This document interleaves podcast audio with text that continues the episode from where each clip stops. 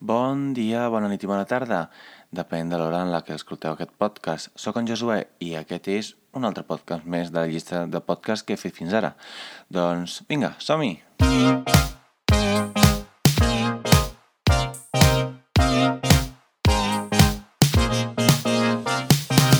Molt bé, doncs el tema d'avui és un tema que eh, és nou, o sigui, però nou per, per tothom és el tema de l'escola híbrida, com se sol dir uh, avui dia. És a dir, jo estic cursant quart de carrera i aquest any les classes uh, s'estan fent d'una forma diferent.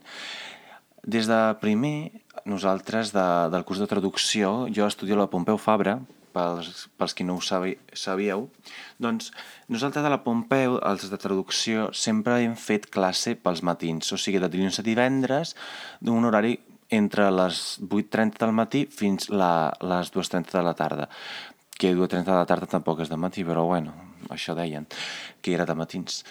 Bé, eh, ara ha arribat a la pandèmia i, o sigui, tots els canvis que poden haver-hi hagut, doncs els tenim entre nosaltres i, entre d'altres coses, el que va passar, o sigui, si ja poteix això per les famílies que tenen fills que encara no són autònoms, entre cometes, que van a la, a la, a ESO, a, a primària i tot això, que és un follon, bàsicament, o sigui, eh, tot el meu suport per les famílies que tenen nens eh, que van a l'escola i han de fer malabares per, per poder fer que els nens vagin a l'escola i quan s'amalalteixin també quedar-se a casa, no sé com ho fan, però eh, I'm proud of you. Doncs a la universitat aquest any han decidit posar-nos les classes de matins i tardes i d'una forma híbrida. I això d'híbrid, mmm, fins ara a mi només m'agradaven els cotxes, però resulta que això de l'educació híbrida a la universitat és... Us explico. La Pompeu, us poso una mica una situació, si no això ja és, és complicat d'entendre. Doncs la Pompeu, per cada assignatura que tenim, eh, la divideix en dos. Una part de grup gran i la segona part de seminari, que significa que grup gran és una, una sessió més teòrica, entre cometes, i llavors el seminari és una sessió més pràctica perquè són grups, grups molt més reduïts, en lloc de ser 70 som 15-20 persones com a molt i llavors podem treballar d'una forma molt més ràpida, molt més eh, centra, eh, focalitzada cap a l'estudiant i cap als problemes que tenim entre 20 persones que no són els mateixos de, de 70 persones. Doncs aquest any ha decidit la Pompeu Fabra que l'educació s'haurà de fer uh, mitja online, uh, mitja uh, a, a, a les classes. I què passa? Que és bastant raro. És molt estrany. No us ho negaré pas. Pel fet que estàs fent classe amb un professor, t'està explicant la teoria no sé què, ell no et veu, però no perquè no, no tingui càmera ni tingui pantalla, bàsicament perquè o sigui, ens fa vergonya a nosaltres estudiants de ficar-nos uh, amb la càmera posada. Però després tenim el seminari i llavors sí que hem d'anar a classe i llavors sí que ens veiem, bueno, només els ulls, però a, a, encara que sigui només els ulls, mm, ja és, ja és alguna cosa, perquè ara amb el temps de la pandèmia no pots treure la mascareta per res i ho agraeixo. No vull tenir Covid, Bé, què passa? Que amb, amb tot això jo crec que això de la, de la educació híbrida per una banda és molt interessant, per l'altra banda és bastant uh, complicat. Però primer, primer donem només els costats positius d'aquesta cosa, d'aquesta cosa, que és que l'educació híbrida, primer com a persona, o sigui, forma molt perquè, o sigui, eh, els estudiants, és a dir, nosaltres que anem a l'escola, al col·le, com li dic jo, encara que ja fa 4 anys que estic a la universitat, doncs eh, ens hem d'adaptar i això també ens prepara per al món laboral, perquè el món laboral és avui hi ets, demà no hi ets, i demà igual has d'anar a treballar en un altre lloc, o... I llavors això ens crea una situació contínua d'inestabilitat que ens ajuda a, a, a, crea, a crear-nos una personalitat i, i una manera de, de veure les coses que és molt més flexible, molt més uh, fàcil d'aplicar a diversos àmbits i a diverses situacions, que això ens va molt bé.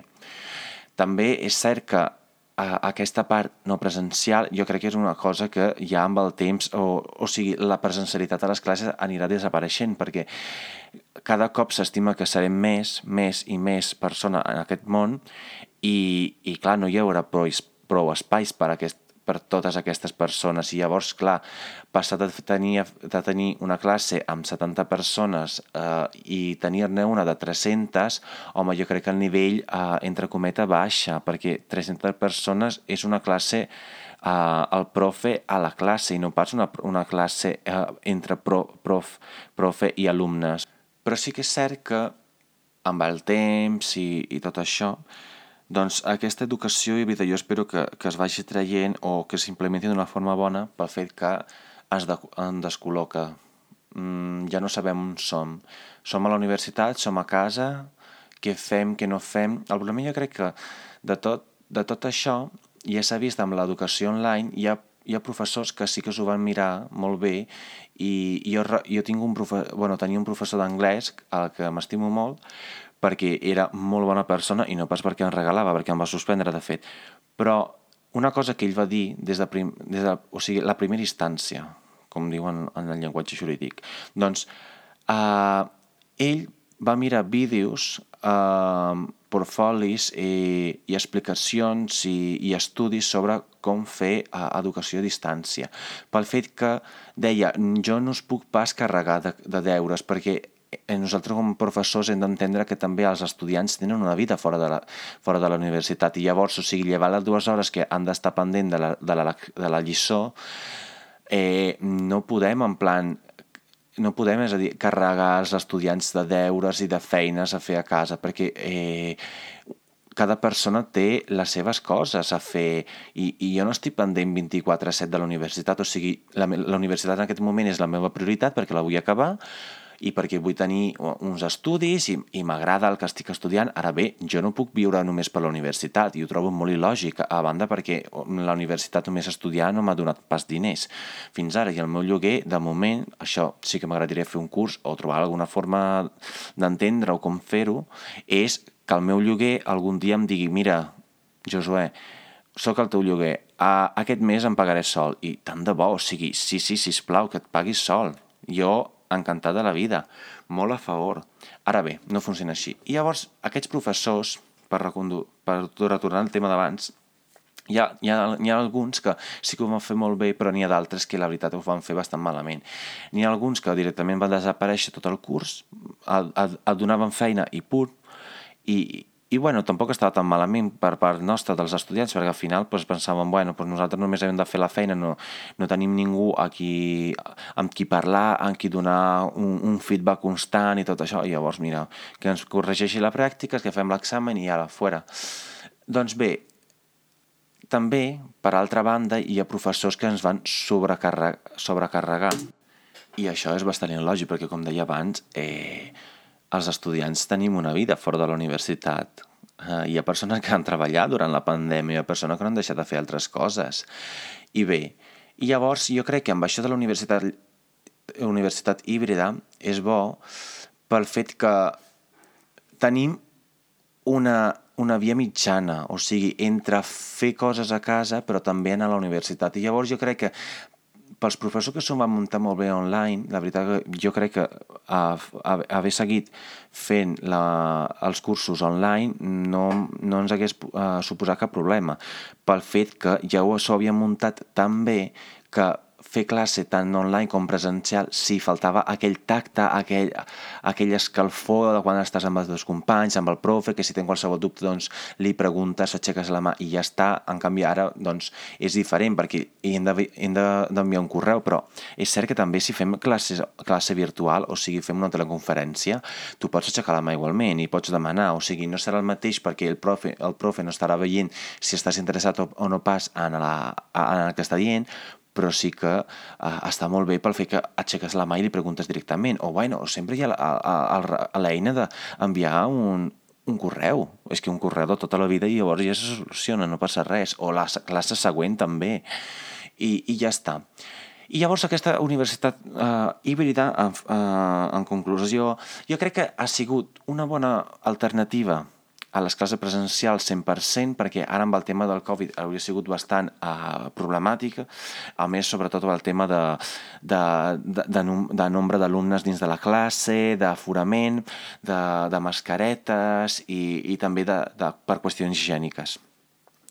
Però sí que ha anat molt bé tant per part dels estudiants per aquesta nova agilitat mental d'haver-se d'acostumar a, a nous reptes eh, del dia a dia, però també pels professors, perquè els professors han vist que els que ja tenien una plantilla eh, prefabricada des de fa molts anys han hagut de eh, canviar, canviar aquesta plantilla que tenien per, per impartir classes i llavors l'han hagut d'adaptar, la van haver d'adaptar i, i, i, i fer-les més dinàmiques, més online, perquè també és cert que hi ha, hi ha un, una manca de coneixements eh, a nivell informàtic per part dels professors que és molt, molt greu.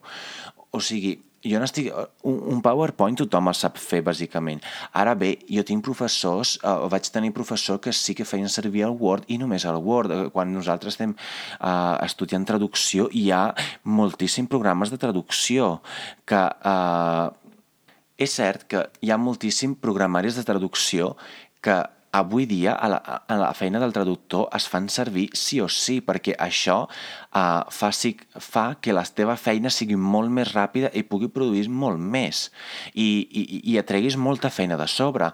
Ara us faig un exemple, perquè si no en coneixeu cap, doncs un programari de traducció, si jo, per exemple, uh, ja he traduït la frase This is my home, aquesta és la meva casa, doncs cada cop que en un text en anglès em troba la frase This is my home, doncs el programari ja em suggereix directament uh, aquesta és la meva casa. Llavors jo, amb un comandament de, de teclat, com a no sé què, i llavors en automàtic ja es posa aquesta frase traduïda. Llavors em treu molta feina de sobre i fa sí que la meva feina sigui molt més àgil.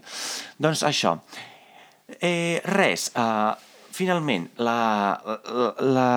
l'educació híbrida crec que està molt bé i a més era el que ens faltava en aquests dies de Covid per donar-nos una mica més de vidilla, perquè, o sigui, anem a la uni, però també ens quedem a casa, fem classe, fem no.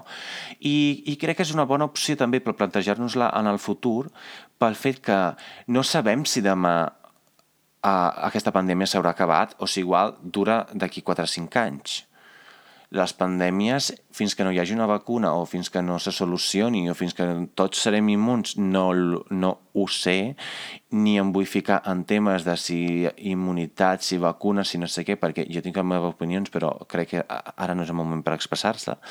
Expressar doncs jo, espero, jo espero que això es consolidi, es consolidi però d'una forma bona, d'una forma intel·ligent i proactiva per, per tal que tant per part dels professors i per part dels estudiants doncs, en podem treure un bon rendiment. Això és el que espero. I, i bueno, per part meva, que s'acabi el quart, s'acabi quart, que faci el TFG i que se m'acabi la carrera. La veritat que ja, ja, ja en tinc prou d'estudiar. De, Vull estudiar alguna cosa més o, o, o només dedicar-me a treballar. Bueno, doncs vinga. Fins aquí el podcast d'avui. Espero que us hagi anat molt bé la setmana i, i res. Adéu-siau.